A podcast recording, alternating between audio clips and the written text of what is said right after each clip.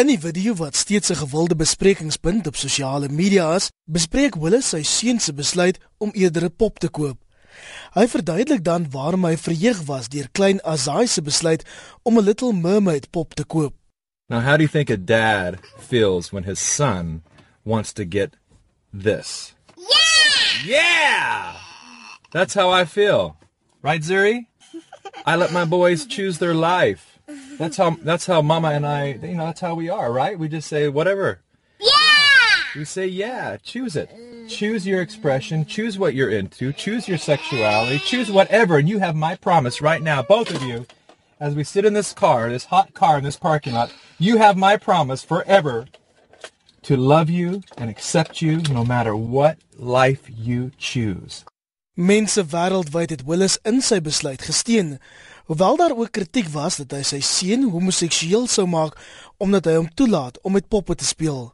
Professor Herman Grobler, 'n navorser in gesin en geslagstudies by die Noordwes Universiteit, beskou die opvatting as pure onsin.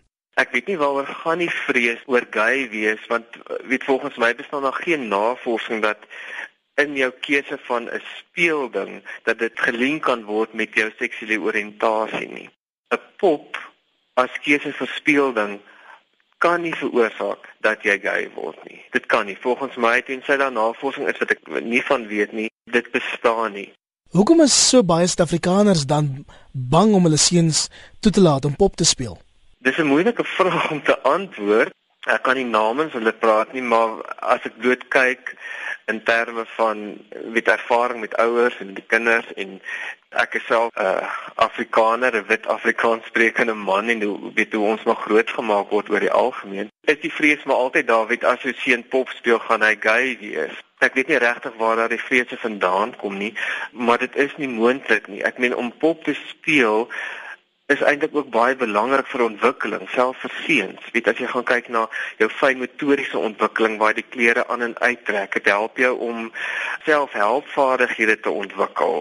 Dit is makliker om 'n pop te leer om knopies vas te maak en los te maak as aan jouself. So dit kognitiewe ontwikkeling om te help om om te gee. Dis belangrike goed wat ons ook by seuns wil hê. So ons stuur baie dubbel boodskappe uit paas wil hulle seuns moet boots wees en rugby speel en weet hulle moenie sissies wees nie.